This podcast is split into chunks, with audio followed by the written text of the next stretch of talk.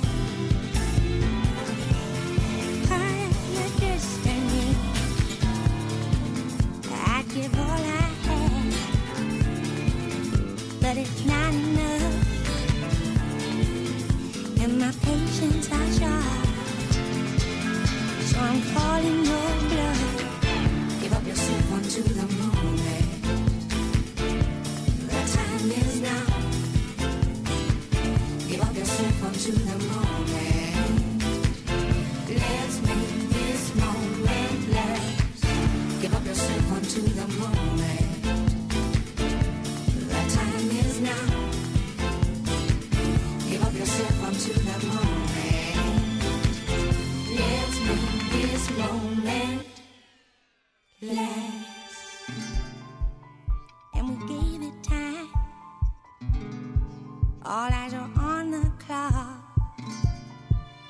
Time takes too much time. Please make the waiting stop. And the atmosphere is charged. And in you I trust. And I feel no fear as I do as I must. Give up yourself unto the moment.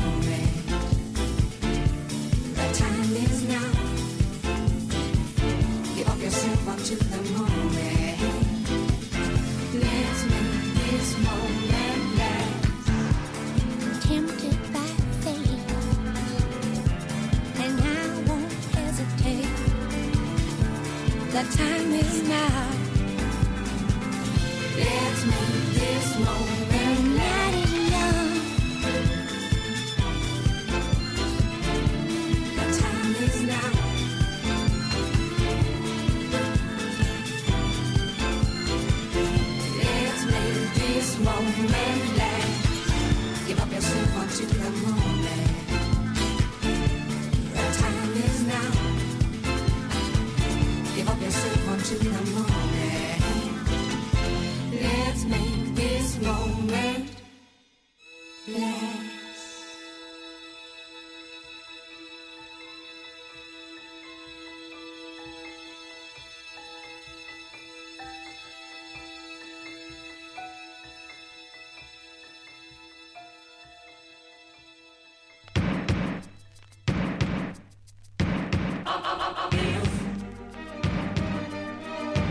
Predstava Šta će biti sa svima nama, autorski projekat Borisa Lješevića i Fedora Šilija, premijerno izvedena na sceni Narodnog pozorišta Toše Jovanović u Zrenjaninu.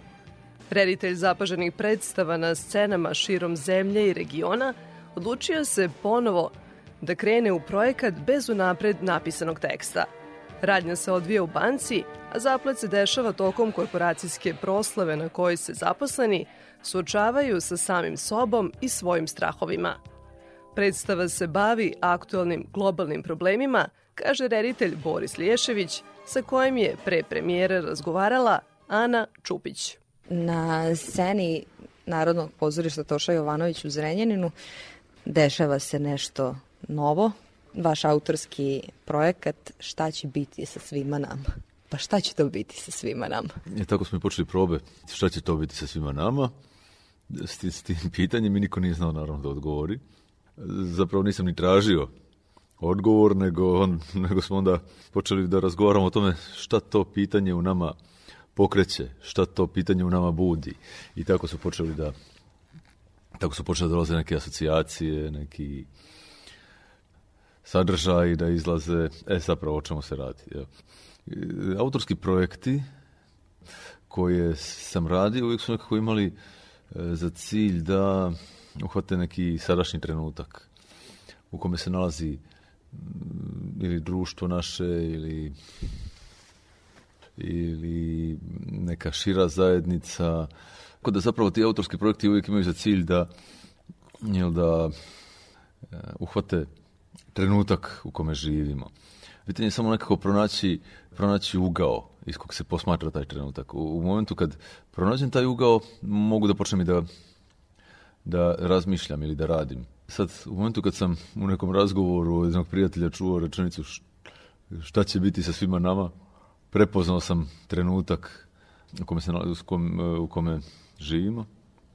E, O čemu se zapravo radi? Taj trenutak je je neki, možemo da kažemo, nagomilani stres, nagomilana strepnja, anksioznost uslijed svega što se događa posljednjih godina.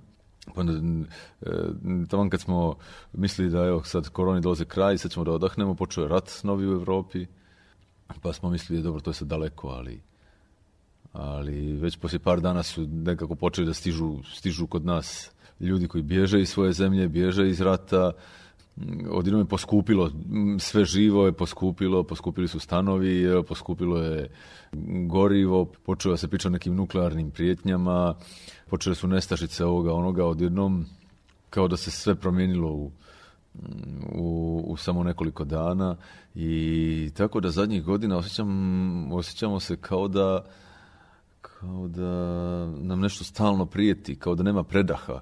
To sad nije nešto što se dešava našem društvu, jel, e, regionu, Srbiji, regionu, nego u cijelom svijetu se dešavaju te, te stvari zadnjih par godina. I otud, ta, i otud to što se dešava svima, šta će biti sa svima nama, ne samo s nama. Pomislio sam kako je ovo opet neki trenutak kad e, mnogi ljudi na svijetu imaju istu reakciju na pitanje šta će biti sa svima nama. a To je neizvjesnost, strepnja, strah i kako danas gotovo, ono, mnogi ljudi, gotovo svi ljudi sa, sa tom neizvjesnošću gledaju u budućnost. I, i pomislim da je to neki zanimljiv trenutak. Trenutak koji, koji cijela planeta prepoznaje gdje se, gdje se svi ljudi ono, na svijetu pred istim osjećanjem, istim pitanjem, gdje tako niko nema odgovor. Jel? Da, no, na primjer, da smo prije 10-15 godina pitali šta će biti sa svima nama, te e, ljude ne bi to pitanje se ticalo mnogo. Ne bi, mnogi ne bi bili uznemireni. Danas mislim da su, da su mnogi uznemireni. Tako smo krenuli u rad sa time gdje smo danas, kako smo i eto razni sadržaji su, su dolazili. Onda smo te sadržaje sagledavali iz različitih uglova, davali sebi da se igramo njima, da ih, e, da pokušamo da ih pretvorimo u nešto, u neke pozorišne scene, da bi se u nekom nekoj fazi procesa nazrela i neka cijelina, nešto gdje se dešava, šta se tu dešava, ko su ti ljudi. Eto, uglavnom nekako smo od sobstvenih, e, zapravo smo vlastite sadržaje davali likovima. Zanimljiv je proces bio, zanimljiv je put bio do, do ovoga. Koliko sam ja čula i, i uspela da pročitam, nije postojao tekst, Mhm. nego ste ga stvarali na probama u toku tog jel, zanimljivog, kako kažete, procesa. Da, pa da. Kako je zapravo nastao tekst? Šta je, od čega, da li on ostaje improvizacija ili je o, konstanta već ili... Ne, nije improvizacija. I kad god sam radio ovakve slične stvari, nekako nikad nije bilo teksta na početku.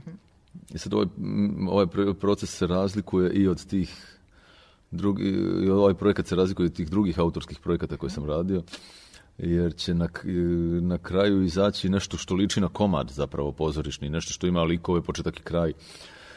Obično autorski projekat upućuje na neke monologe publici, na nešto da ljudi pričaju, da su, da su neke odvojene scene.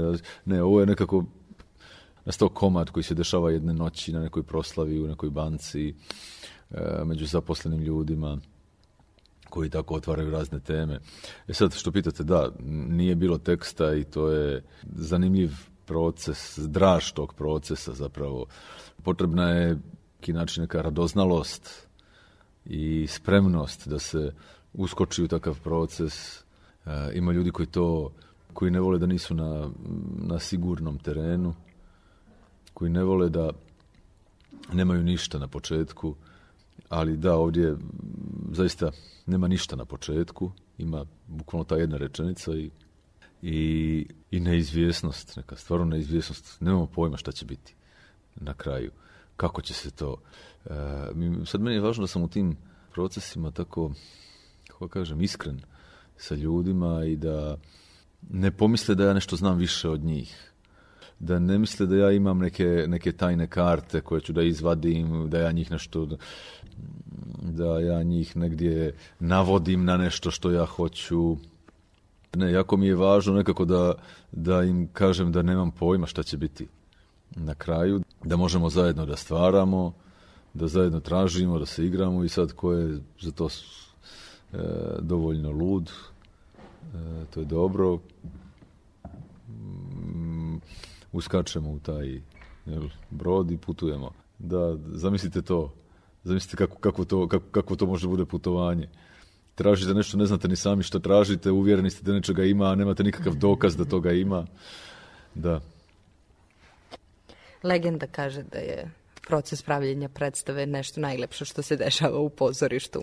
Za reditelja se premijerom završava, a glumci nastavljaju svoj put, ali tu je jedan još bitan faktor pozorišta. Da li možda razmišljate kako će publika reagovati na ovaj projekt? Pa od prvog dana razmišljam o tome. Kako će se to gledati i, i šta će to biti. I zapravo, kako vam kažem, ja sam uvijek prvi gledalac. Reditelj je prvi gledalac predstave. I zato reditelj treba da, da njeguje gledaoca u sebi. I koliko je moguće da njeguje tu objektivnost gledaočevu u sebi. I sad, znate, e, ima nešto tu zanimljivo. Što je taj gledalac u meni bolji, toliko sam bolji reditelj. To nešto ima veze jedno s drugim. Koliko, ako se kao gledalac ne zadovoljavam tim što sam napravio, ako gledalac u meni nije zadovoljan, tjera me da idem dalje i da tjera tog reditelja u meni da, da ide dalje, da traži. Nekad se zadovolji možda i prije nego što bi trebalo, nekad, da, da. Meni je ostalo samo da vam poželim sreću i da vam se zahvalim što ste govorili za naš radio.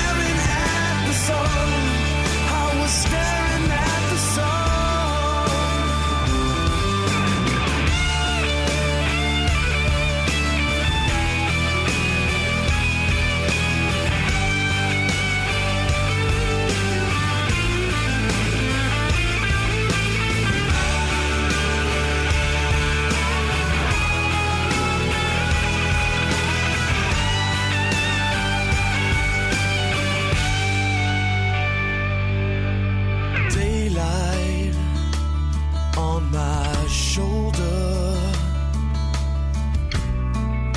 I know it's time to run.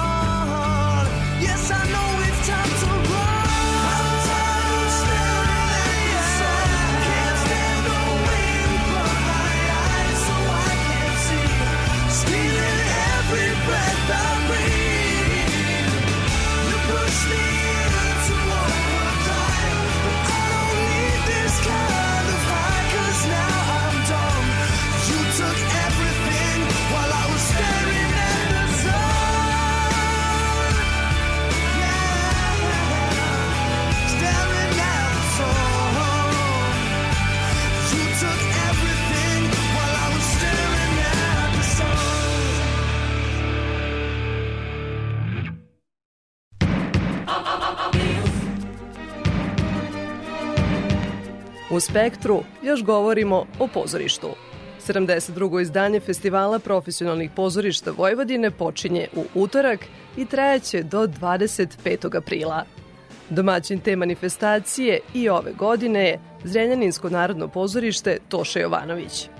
Posetioce očekuju dramske, ali i predstave za decu, kao i prateći program koji će, osim izložbi, upotpuniti i jedna studentska predstava. O programu i značaju festivala sa direktorom Zrenjaninskog pozorišta Dejanom Karlečikom razgovarala je Ana Čupić. ponovo je došlo to divno doba godine kada će se susresti ovaj, jel, vojvođanska pozorišta i vojvođanski glumci i ovaj festival se već neko vreme događa u Zrenjaninu, održava u Zrenjaninu. A šta to znači za Zrenjaninsko pozorište? Ovo je peta godina za redom da je u ovom ciklusu festival u Zrenjaninu i za tih pet godina smo imali četiri različita selektora. I sad svako ima neki svoj, neku svoju ideju, neku viziju na koji način da približi publici presek najboljih predstava iz vojvođanskih teatara. Naravno, uvek svako od nas voli da komentariše svačiju selekciju, Ja ne bih komentarisao zato što prosto i selekcija autorstva, mi smo na zajednici izabran neki selektor, a ono što, što je značajno, mislim da je pre svega značajno i našoj publici da, da napravi neki, neku paralelu, neku komparativnu analizu, da uporedi rad našeg pozorišta sa, sa drugim pozorištima koje deluju na području Vojvodine, jer u poslednjih nekoliko godina e, nismo baš u situaciji da, da, da radimo te klasične razmene koje su nekako pre bile sastavni deo e, našeg repertoara. Tako da pre svega mislim da je, da je tu negde značaj festivala za našu publiku, a nama kao pozorištu ja mislim da znači e, to što pre svega Zrenjanin najviše puta bio domaćin, evo od 72 o, e, festivala koliko postoji, festival profesionalnih pozorišta Vojvodine mislim da je 30 ili 31 put održan u Zrenjaninu. Većina članova zajednice ga i negde naziva Zrenjaninskim festivalom i mislim da je sam ponos što je to najstariji festival u, u regionu, u staroj državi. Ali ja bih isto tako voleo da, da je podržan i na nekim višim nivoima u smislu da znamo svake godine sigurno sa kojim sredstvima možemo da raspolažemo. Mi smo sada poslednjih nekoliko meseci sa pokrajinskom sekretarkom napravili neke ozbiljne korake i ozbiljne priče da festival treba da ima stalni finansijski priliv, tačnije budžet kojim raspolaže i negde nam je pokrajinska sekretarka obećala da će se u neko skorije vreme taj problem rešiti. Sad mi to očekujemo, naravno, jer u svim ovim uslovima malo je nekad i teško biti domaćin bilo kog festivala. Da, niko nije svestan da pozorište zapravo košta, da je, da je Pa da, skupa- produkcija. Skupa je igračka, što se Zapravo, kaže. pa da, Ovo je skupa pa da. zabava. Naravno, m, to nije samo puka zabava, ja nikako ne gledam pozorište na taj način. Pozorište je kultura sama, umetnost. Kad smo, sam, kad smo konzumenti kulture i umetnosti, to nas i čini svesnim bićima. Dakle, to je nije, nije samo zabava, to je i čuvanje i tradicije i istorije i nekog kodeksa ponašanja i, i negovanje jezika, tako da ali naravno sve to košta, samo što se, umetnost nema neku likvidnost, ne možemo očekivati da nam ona vrati kroz financije, nego upravo kroz to što ćemo obrazovati i edukovati naš narod i naciju i čuvati jezik.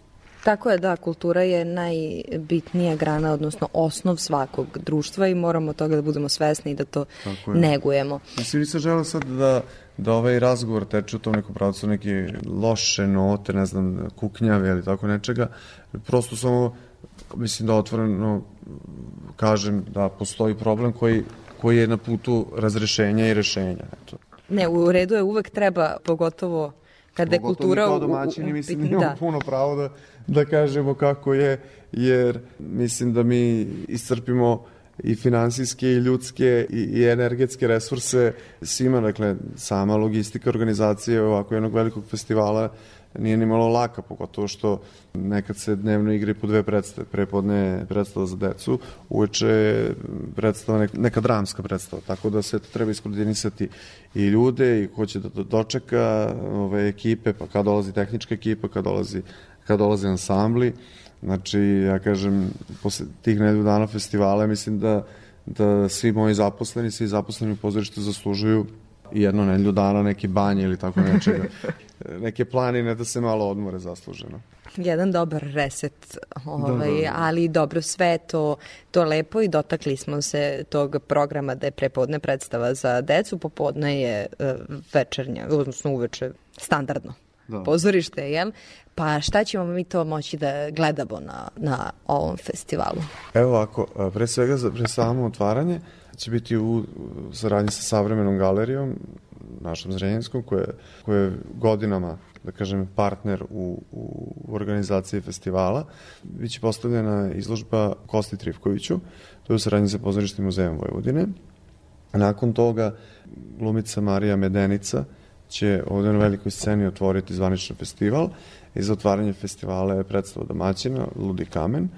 Zatim tu su još predstave Mefisto i Što na podu spavaš eh, Srpskog narodnog pozorišta, Don Juan eh, Vršačkog pozorišta, Nevidljiva deca Novosadskog pozorišta i Galeb Narodnog pozorišta iz Sombora, a predstavu Čast nagrađenih, koja se igra 25. aprila, je predstava Pokojnik Crnogorskog narodnog pozorišta, to je znači revija, u tom revijalnom delu, a u takmičarskom delu e, će se još pojaviti znači, naše pozorište sa predstavom Prade Vojčice, znači sad govorimo o selekciji predstava za decu, zatim pozorište iz e, Bačkog Petrovca i Dečije pozorište iz Subotice se, pe- će gost, e, se takmičiti sa dve predstave, jednom na srpskom, jednom na mađarskom jeziku. I meni je, na primjer, evo, drago, moram da pohvalim jako lepo što, što posle nekog dužeg vremena opet imamo na festivalu pozorište iz Bačkog Petrovca koje neguje predstave na slovačkom jeziku i, i drago mi što se e, Vršačko pozorište posle nekoliko godina nepojavljivanja na festivalu opet pojavilo. Tako da, pored toga nas očekuje i bogat prateći program sa promocijama i izložbama i gostovanjem jedne studentske predstave studenta glume Akademije umetnosti u Novom Sadu. Da, vrlo zanimljivo što e, nekako se ta forma okruglog stola davno izgubila, ne samo na ovom, nego na većini festivala. I mi smo od prošle godine, da kažem, to je bio neki pilot program, pa smo samo tri dana sproveli to, ali ove godine ćemo svako veče, e, posle odigranih e, večernjih predstava, kamernoj sceni, sama selektorka, Aleksandar Golacki će voditi jedan podcast, gde će ugostiti autore predstava, Znači, da li su to biti reditelj, glumac, upravnici, scenografi, pisac, sam komada. Ideja je da taj podcast bude neka vrsta nečega što smo nekada zvali okrugli sto. Tako da, eto, ove godine ćemo pokušati to da ustalimo, jer, kažem, prošle godine je bio samo pilot program. Sad, da li će pozorište koje se sledeće prihvati domaćinstva nastaviti da to, da to neguje, to ćemo još vidjeti. Lepo je negovati neke tradicionalne e, forme kroz neke jel, Da, da, da. nove, jer to je suštinski sve isto. Vama hvala što ste govorili za naš radio.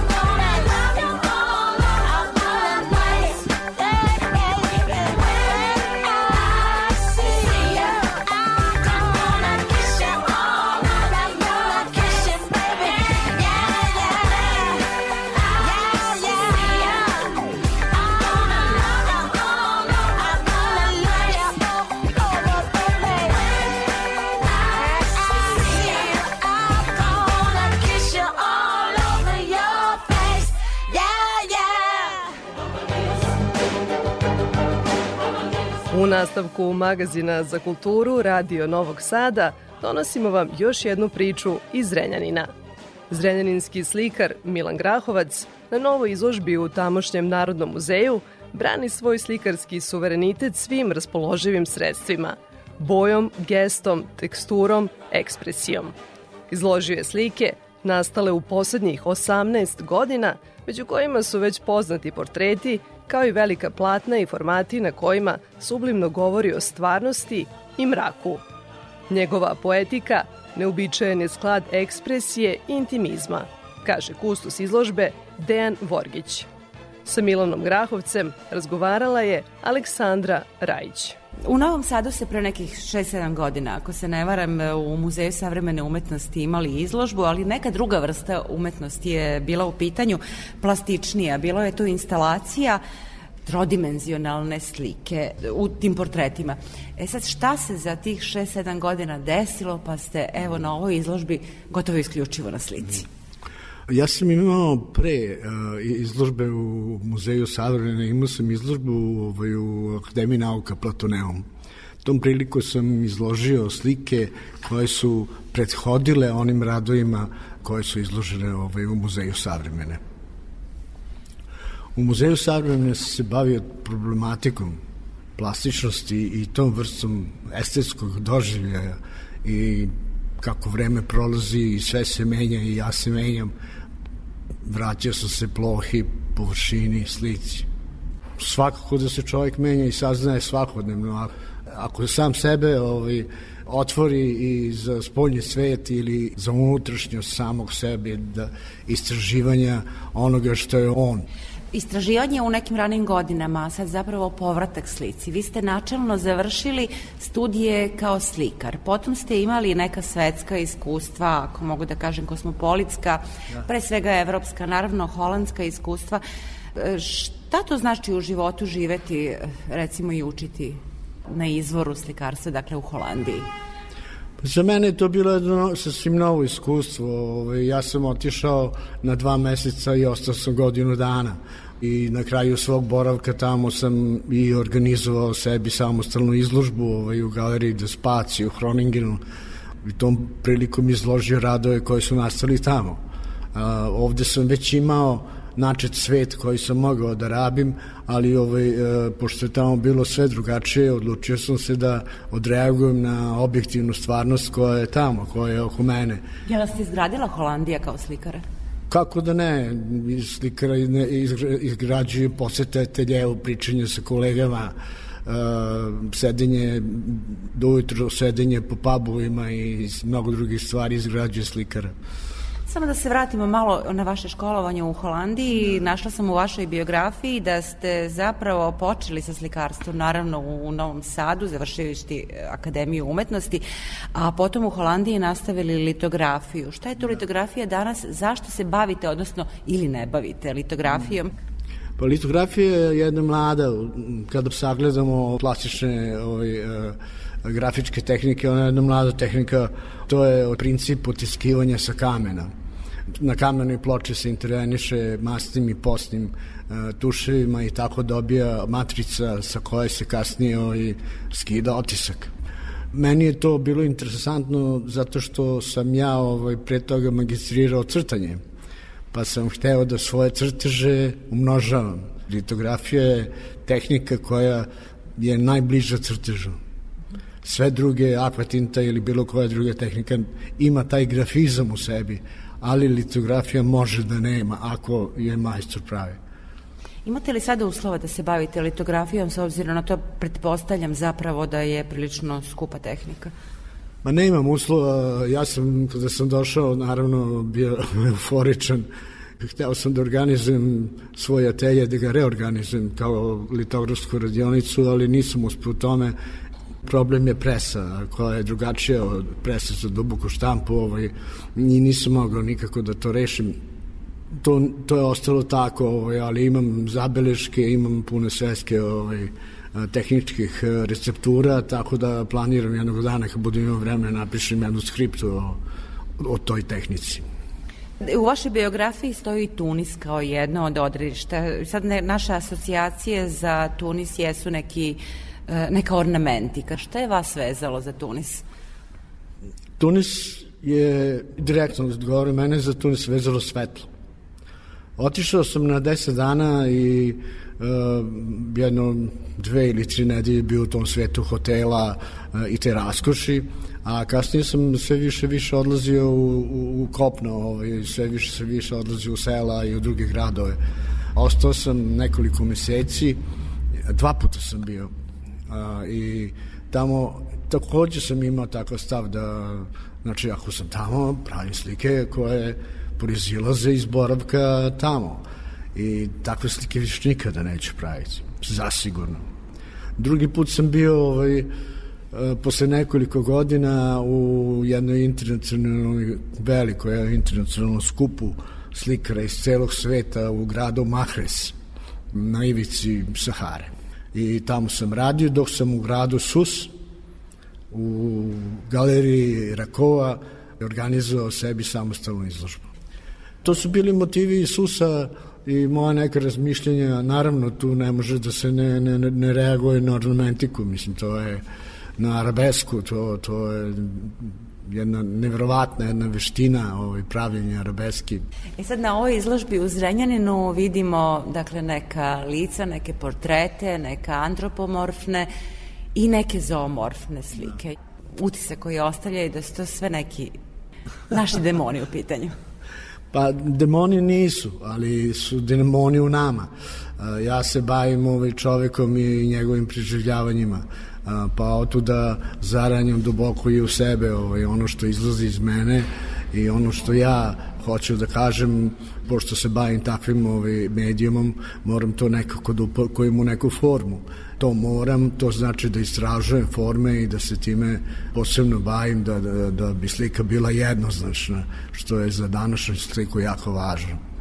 Otuda ta zoomorfnost u, u slikama. Čovek kao biće meni primarno, odnosno njegovo unutrašnje stanje njegovo. To mi je primarno. I sad, posle ove izložbe, kakav je vaš osjećaj? Ostajete u te dve ravni u slici ili istražujete dalje? Pa slika svakako ostaje. To imao sam pre 30 godina ponuda nekih da se isključio bavim performansom, pošto sam ju radio neke performanse koje su ovaj, ostali zabeleženi pod uslovom da se održim slike. I ja nisam hteo, ovaj, od- odbio sam. Ja sam slikar i slike je moj svet. Ja ću slikati dok god sam. Ako da se ponovo rodim, ponovo bi bio slikar. Hvala vam puno.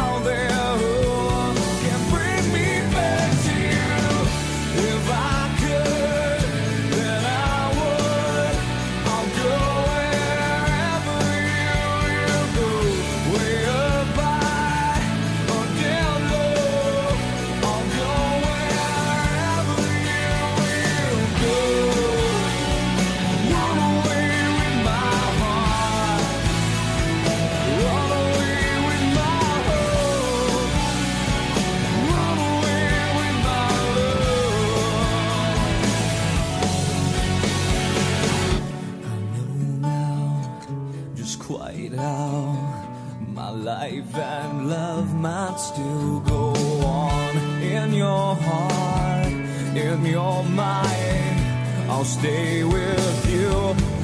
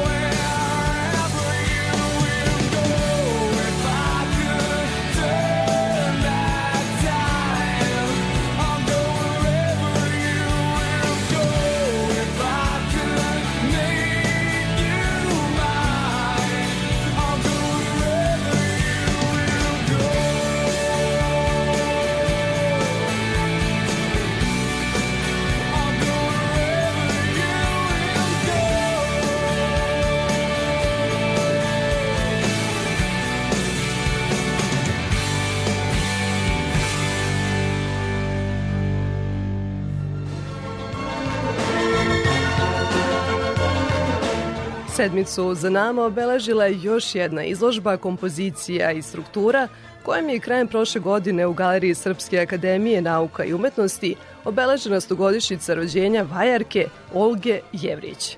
Ta postavka gostuje u Muzeju savremene umetnosti Vojvodine u svoj svoj raskoši.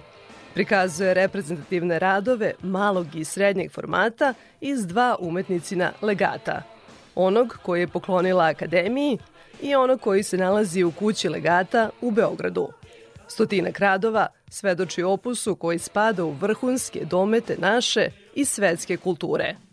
Evo kojim je rečima novosadsku izložbu otvorio vajar Mrđan Bajić.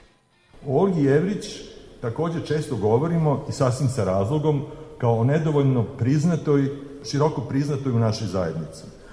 O sasvim tragičnom odsustvu njenih radova u javnom prostoru. Ipak, drugačije gledano, Olga Jevrić imala je nešto drugo što se ne stiče listingom referenci i kilometražom spomenika. Njen opus ima nesumljivo i nedodirljivo mesto apsolutnog i potpunog uvažavanja u profesionalnim krugovima kolega i stručnjaka.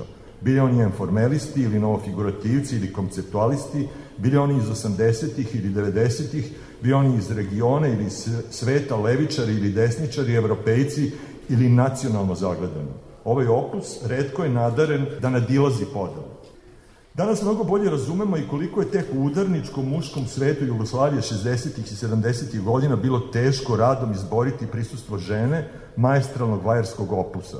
Tada je Olga Jevrić u našoj sredini otvarala put abstraktnom mišljenju u skulpturi. Bila je prva žena čiji je rad predstavljen u paviljonu Jugoslavije na Venecijanskom bijenalu 1958. godine i to kako kolosalno. Ali i prva žena vajar koja je u istoriji Sanu postala njen član. Njeno delo upisalo se dakle ipak od samih početaka njenog rada kao jedan od najistaknutijih segmenta srpske, jugoslovenske i evropske likovne baštine. I trajalo je celog njenog života. I traje i danas. Od ove serije izložbi, sada kada je nažalost više nema, Olga Jevrić prelazi iz kategorije savremenih stvaraoca u kategoriju nasledđe i baština. Ona je od sada usuđujem se da kažem, za ovu kulturu kao Sopoćani, kao Meštrović, kao Andrić. Ono bez čega se ne može. Svedočanstvo da su ovdašnje žene i muškarci uprkos lokalnim teškoćama stvarali nešto što dubinski misli globalno svoje vreme i doba.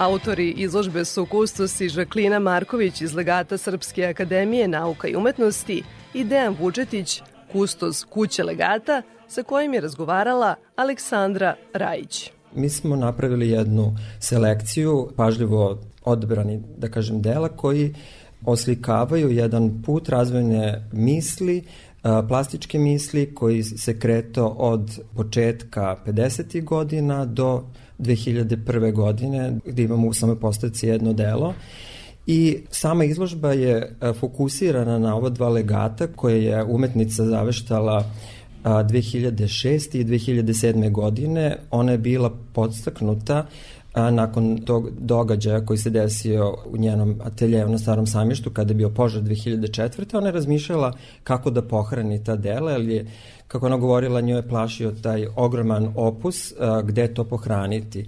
S obzirom da je ona bila akademik, logično je bilo da jedan taj deo bude a, poklonjen Akademiji, Srpskoj akademiji nauka i umetnosti, a a, tada novo osnovanoj ustanovi kuće legata je takođe ostavila deo a, legata koji se prvenstveno, da kažem, bazira na a, delima koji su srednjeg i većeg formata. Rekli ste zapravo to je posleratno vreme kada je ona stvarala, kada je najintenzivnije stvarala.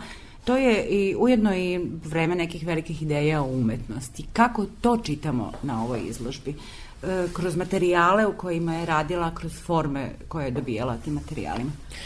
Pa Olga Jevrić je po uh, samom materijalu i po uh, formi, se može reći, jedna od uh, vrlo značajnih figura tadašnje skulpturalne prakse srpske i jugoslovenske kulturne scene, jer je ona istraživajući i eksperimentišući sa materijalima, spajanjem ferioksida tog praha gvožđa zajedno sa gipsom i sa cementom dobila taj materijal koji ona nazvala ferioksid na taj način je mogla da svoje skulpture uh, gradi na način kako je ona želela. Ona je uh, govorila da njena skulptura se formira taloženjem slojeva koji podsjeća u stvari na sam način, kako bih rekao, uh, prirodnih procesa, odnosno kako rastu jeli, biljni svet ili tako kako se razvija i na neki način je uh, to isticala. Ona je rekla da je na nju najviše uticala u stvari priroda i da te forme, oblici koje je u prirodi mogla da sagleda su,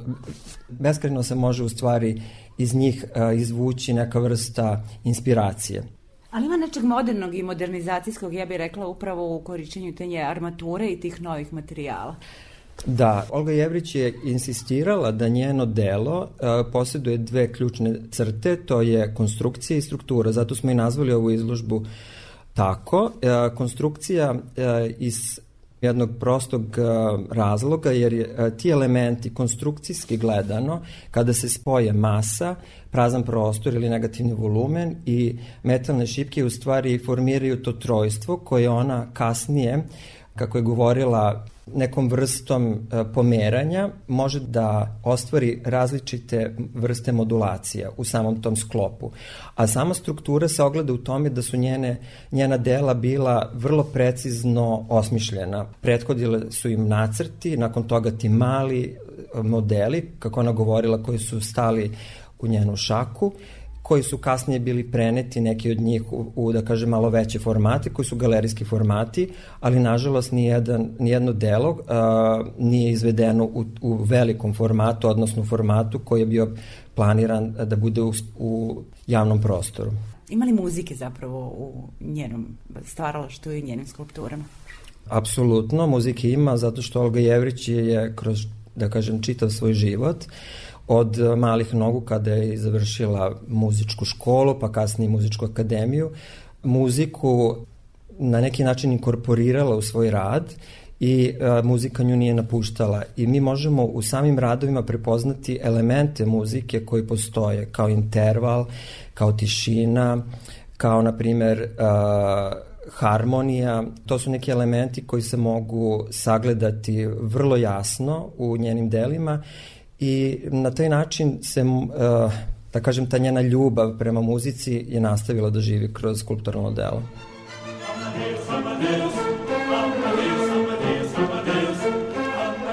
Izložba radova Olge Jevrić u maju gostuje u Kikindi, a potom od juna u prestonici kulture Srbije u Čačku. A celinu dela Olge Jevrić možemo sagledati na još jedan način – posetom spomen zbirci Pavla Beljanskog u kojoj su izloženi radovi Sretena Stojanovića, Vajara u čijoj je klasi umetnica studirala.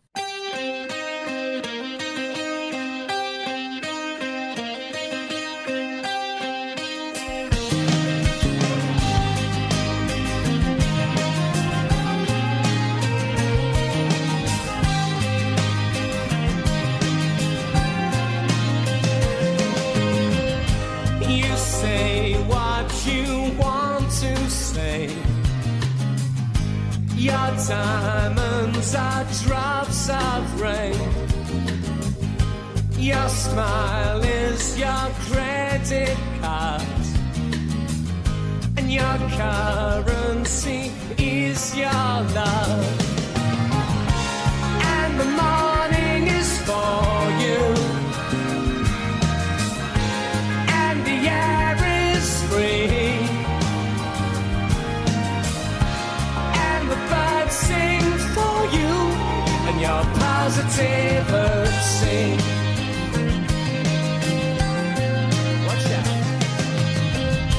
So you play where you want to play. On the main streets where the creeps all pray. And you can feel like you're in dynasty. And you can be what you want to be.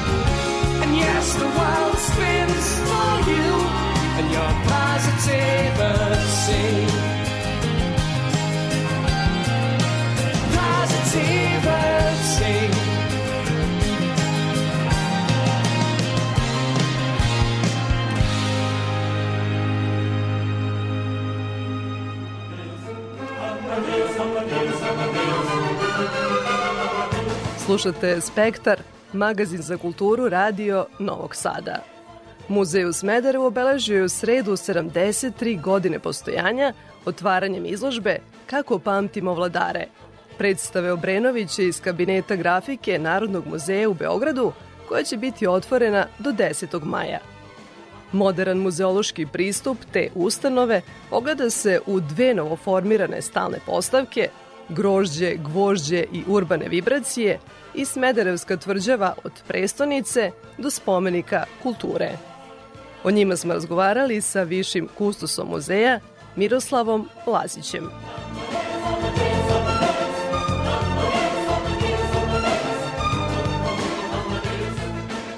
Grad e, vožđa i grožđa, je li to negde određuje taj dualni karakter Smedereva? Da, definitivno je tako. E, Ovaj, to smo pokušali da prikažemo i u našoj novootvorenoj, e, da slobodno možemo reći i stalnoj ili osnovnoj postavci. Njen pun naziv je grožđe, gvožđe i urbane vibracije. I hteli smo jednim uh, igrom reči koje označavaju dva osnovna identiteta grada Smedereva krajem 19. i u čitavom 20. veku, da nedvosmisleno sugerišemo ne samo ljudima iz Smedereva, već i posetiocima sa strane, da su e, te dve reči označavaju dakle dve osnovne privredne grane koje su oblikovale urbani identitet grada.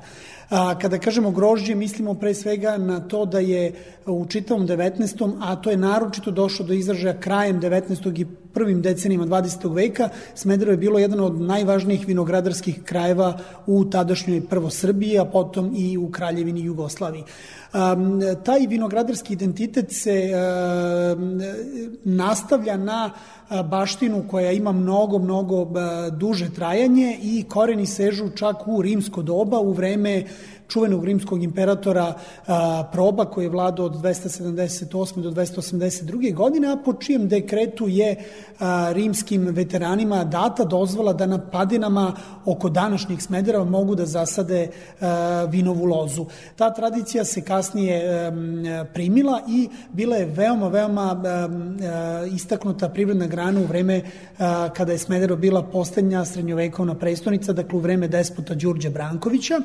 A ta tradicija nije prekidana ni u ono tursko vreme, iako a, je muslimanska vera, dakle, a, Turcima zabranjivala dakle, da piju vino, e, njihovo stanovništvo je ovde se bavilo vinogradarstvom i e, taj neprekinut niz je dobio svoju kulminaciju, kao što sam rekao, negde e, u drugoj polovini 19. veka, kada u Smederevu a, i okolini na okolnim a, brežuljcima a, se pojavljuju tada već ugledni vinogradari koji se a, im primenjuju savremene metode uzgajanja vinove loze, koriste a, savremena sredstva za zaštitu dakle a, svojih vinograda, a kruna svega toga došla je početkom 20. veka kada se osniva Smederevska vinogradarska zadruga kao esnavsko udruženje koje na jedan profesionalan, ozbiljan način objedinjuje tada najreprezentativnije vinogradare naše kraja. Dakle, to je jedan deo ove priče.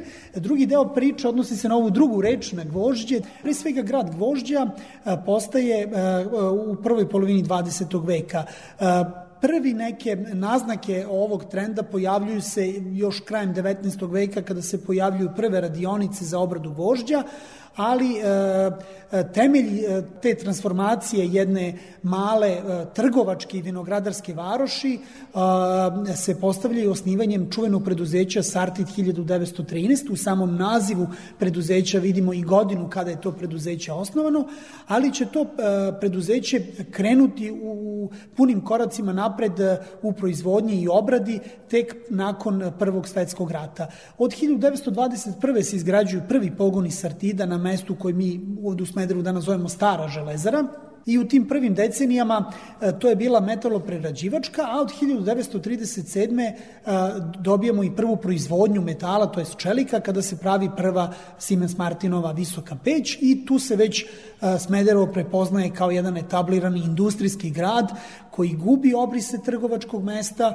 i dalje se nastavlja vinogradarska tradicija, ali teška i laka industrija upošljavaju sve veći broj ljudi. Uvod u noviju postavku kao grada gvožđa i grožđa su druga dva simbola Smedereva, a to su Smederevac i Smederevka. Da, mi kada smo krenuli e, pre nekoliko godina u jednu ozbiljniju priču oko toga kako ćemo rekonstruisati muzej i e, koje će biti te teme koje korespondiraju sa e, baštinom i tradicijom našeg grada i čitavog ovog kraja.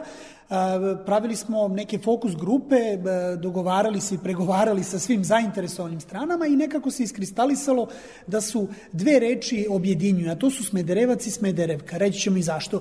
E, Kada kažemo Smederevac, naravno mislimo na čoveka ne samo iz Smedera, već i iz Smederevskog kraja, ali nedvosmis- nedvosmisleno se prisećamo i narodnih pesama u kojima se pominje Đuro ili Đurać Smederevac, osnivač našeg grada, dakle despot Đurać Branković, jedan od naših najznačajnijih e, velikaša i vladara sa samog kraja postojanja srpske srednjovekovne države, čovek koji je 1430. udario temelje i osnovao grad Smederevo za svoju prestonicu, a sa druge strane imamo i odraz e, u dva, e, dakle preskačemo od Đurđa Smederevca u 20. vek kada e, tada već sada čuvena smederevska fabrika Milan Blagojević proizvodi jedan poznati brend Smederevac ili e, štednjak na čvrsto e, gorivo a, koji se proizvodio u desetinama pa i stotinama hiljada primeraka i koji se prodavao ne samo u bivšoj Jugoslaviji, već se izvozio u, u, u regionu.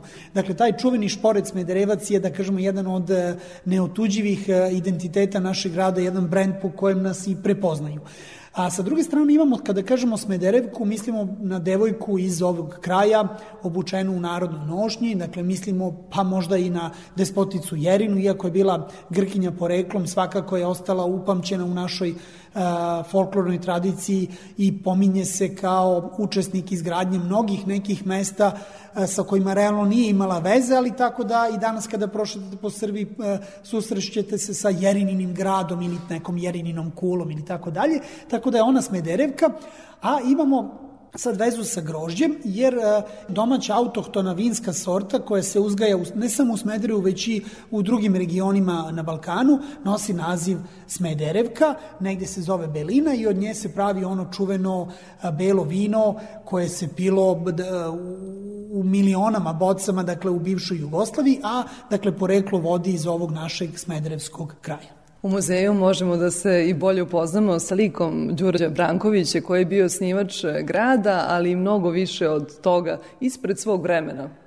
Da, on je bio jedna veoma interesantna ličnost, e, ne samo zato što je živo i vladao u turbulentnim okolnostima, e, već e, ako uzmemo, dovoljno je samo da, da razumemo da je živo zaista dugo, požive čak do 80. godine, što je po uzusima srednjeg veka čovek je dočekao veoma duboku starost, tako da možete samo da onda razumete šta je prevalio preko glave za svojih 80 godina života.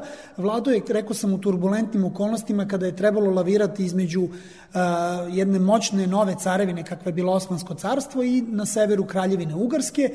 U podizanju Smedereva, jedne monumentalne, impozantne tvrđave koja i danas a, onako izmamljuje uzdahe posetilaca, a, vide se težnje, njegove težnje da ostavi iza sebe jedan monumentalni grad, ali koji će biti pribežište i poslednja linija odbrane tadašnje srpske države. Tako da ta 1430. godina kada je završen dvorac despota Đurđa, kasnije se krenulo u doziđivanje grada, je upisana i u grb, današnji moderni grb e, grada Smedereva, jer je simbol trajanja ovog grada, eto, uskoro ćemo proslaviti i šest vekova trajanja našeg grada. Sve ovo o čemu pričamo, dakle, vezano za despota Đurđa, možete pogledati u e, našoj e, postavci koja nosi naziv Smederevska tvrđava od prestonice do spomenika kulture. Ta postavka je otvorena 2018. potpuno je nova i e, tom postavkom smo želeli da ispričamo priču o našoj tvrđavi, ne samo kako ona izgledala u vreme despota Đurđa, već i njen život tokom narednih šest vekova. Dakle, pri, ispričali smo priču sve do 1947. kada je ona konačno proglašena za spomenik kulture od izuzetnog značaja za Republiku Srbiju.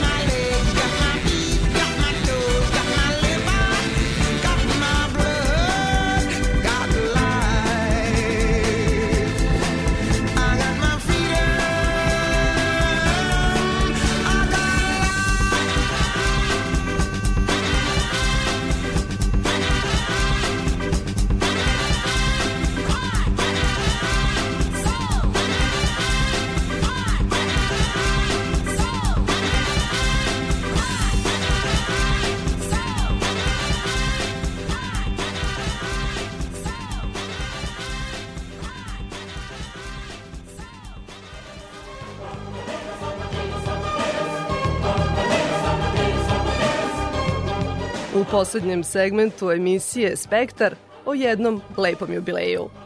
70. rođendan kantautora Branimira Džonija Štulića, nekadašnjeg kompozitora, pevača i gitariste grupe Azra, obeležen je u Novosadskoj knjižari Bulevar Books. Opširnije Isidora Bobić. 70 godina od rođenja jednog od najplodonosnijih, ali najkontroverznijih i najmističnijih stvaralaca jugoslovenske rock scene obeležen je okupljanjem njegovih tumača i fanova u Bulevar Buksu. O Štulićevom delu objavljuju se eseji, studije i disertacije, iako on izuzetno redko i nevoljno ostavlja tragove u javnosti.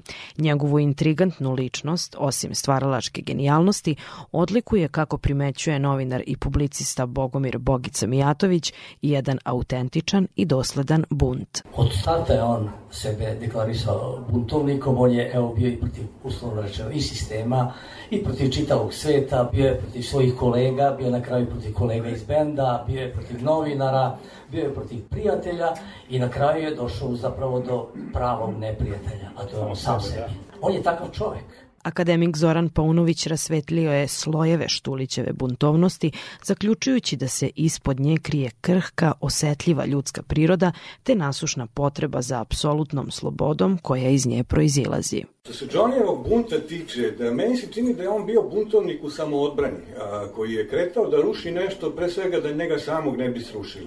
Jer a, jači od bunta kod njega mi je taj utisak nekakve neprekidne paranoje, straha. I on kao da se tom uslovno rečeno buntovničkom energijom branio, da, kao da je njome podizao štit. Jer vi kod njega imate i u najljubavnijim pesmama imate one momente te paranoje tople usne žene. Noći su ovde ravnodušne sjene, kada spavam zaklanjam lice. Pazite njega. Ili u drugoj nekoj pesmi, recimo Odlazak u noć, opet šušte papiri od ozadana smrdi, jao gospode, kako grozan film. Uvek mu je nešto iza leđa, uvek mu je nešto strašno, jednostavno on kao da se od svega toga brani. Mi sad naravno prihvatamo taj bunt, prihvatamo njega kada na prvom albumu kaže uradi nešto za svoju savjest, ne očajavaj. Dakle, kao da želi da, pored ostalog, eto, poveća to, da, da poveća, da napravi neko pleme takvi koji će se aktivno odnositi prema životu, ali mislim da se pre svega time brani o, o, od života. Njegov princip jeste onaj najjednostavniji, prastari pesnički princip individualne slobode. Ako nemate slobodu, nemate ništa. I govori se za mnoge pesnike rock and rolla da su učili, ne znam, od Blakea, od Remboa, od Bodlera. Uvek, ako tražimo tu zajedničku nit, to je potreba za slobodom, potreba da mi niko ne okiva misli, potreba da, dakle, ne pripadnem ni jednom sistemu, nego da stvorim svoj, svoj sistem. Na prvom albumu on kaže u pesmi, ti si žena drugog sistema. Taj drugi sistem, za njega je svaki sistem drugi sistem, jedini koji prihvata, to je njegov. A da ga neko pita da definiše vlastiti sistem, ne može ga definisati zato što je on i protiv vlastitog sistema. Jednostavno, to je ta potreba za slobodom koja ničim neće biti sputana. Autor doktorske disertacije rok poezija Branimira Štulića i njeni medijski odjeci Zlatomir Gajić istakao je da se radi o intuitivnom pesniku gradske atmosfere i bodlerovskog senzibiliteta i muzičaru koji je stvarao sa visokom svešću o trendovima i tendencijama u umetnosti. Mislim, to je neka moja teza stara još iz početka istraživanja da je, da je radio nagonski i da je, i da je iz srca u stvari bukvalno ovaj, vadio stihove i tako dalje, ali među vremenom mi se malo, kad se malo analizirao više muzički njegov razvoj nego poetski, ukazala slika praćenja trendova. Znači nije, nije jednostavno ovaj sve vreme držao tu svoju uh, počeo sa folk, je tako neko metno, da kažemo world music, ajde moderno reče, u stvari hipoška, jedna matrica 70. godina koja je evoluirala u kritike iz tog vremena kažu kao muzika 60. koja je vrlo vešto implementirana u, u novi talas, ne tipičan novi talas, ali u stvari je stvorio opet nagonski jednu autohtonu muzičku matricu, jedan balkanski rok kakav je možda Bregović u stvari već ovaj bio načeo, ali u principu mogu je samo da sanja. Iz mog ugla ja sam malo mlađa generacija koja je počela s Azrom, a ne sa dugmetom. O neponovljivosti velikog Branimira Džonija Štulića najbolje svedoči mali broj uspešnih obrada njegovih pesama, primećuje za kraj akademik Zoran Paunović. Bilo koju pesmu koju on ne peva savršeno, koju ne svira savršeno, ali je svira savršeno za ono što ona jeste. Dakle, samo on je razume dušu i samo on ume iznutra da je osvetli onako kako ona treba da izgleda. I zato, kažem, čini mi se najbolji dokaz toga da je on i samo on, jedini vrhunski interpretator svojih pesama, predstavlja činjenice da jednostavno nisu ljudi smeli da uzimaju koliko god bili moćni, kompetentni, bolji svirači, bolji pevači od njega. Jednostavno, vi kada otpevate Johnnyjevu pesmu, to nije to. Nešto, ako pokušate da je doterate, ušminkate, da izgleda bolje nego Johnnyjeva i da zvuči bolje nego Johnnyjeva, onda naravno zvučeće tehnički doterano, ali ćete ubiti dušu. Povodom obeležavanja 70. rođendana Branimira Džonija Štulića govorili su Bogica Mijatović, Zlatomir Gajić i Zoran Paunović.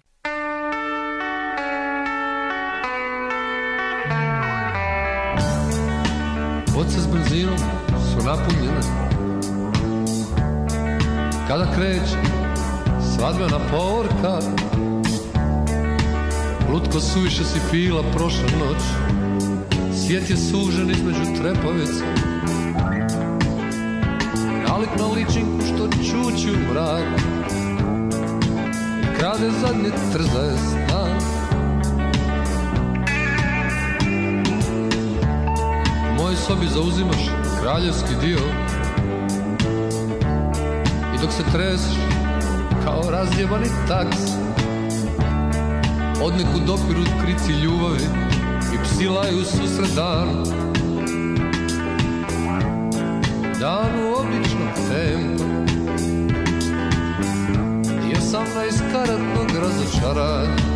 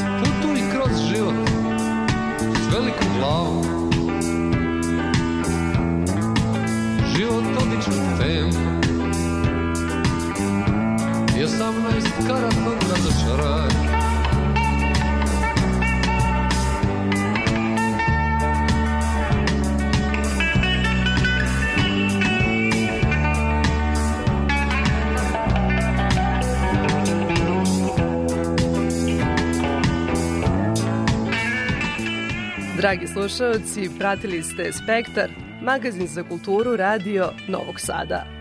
Moje ime je Ivana Maletin Ćorilić i u ime ekipe koja je realizovala emisiju želim vam srećne uskršnje praznike.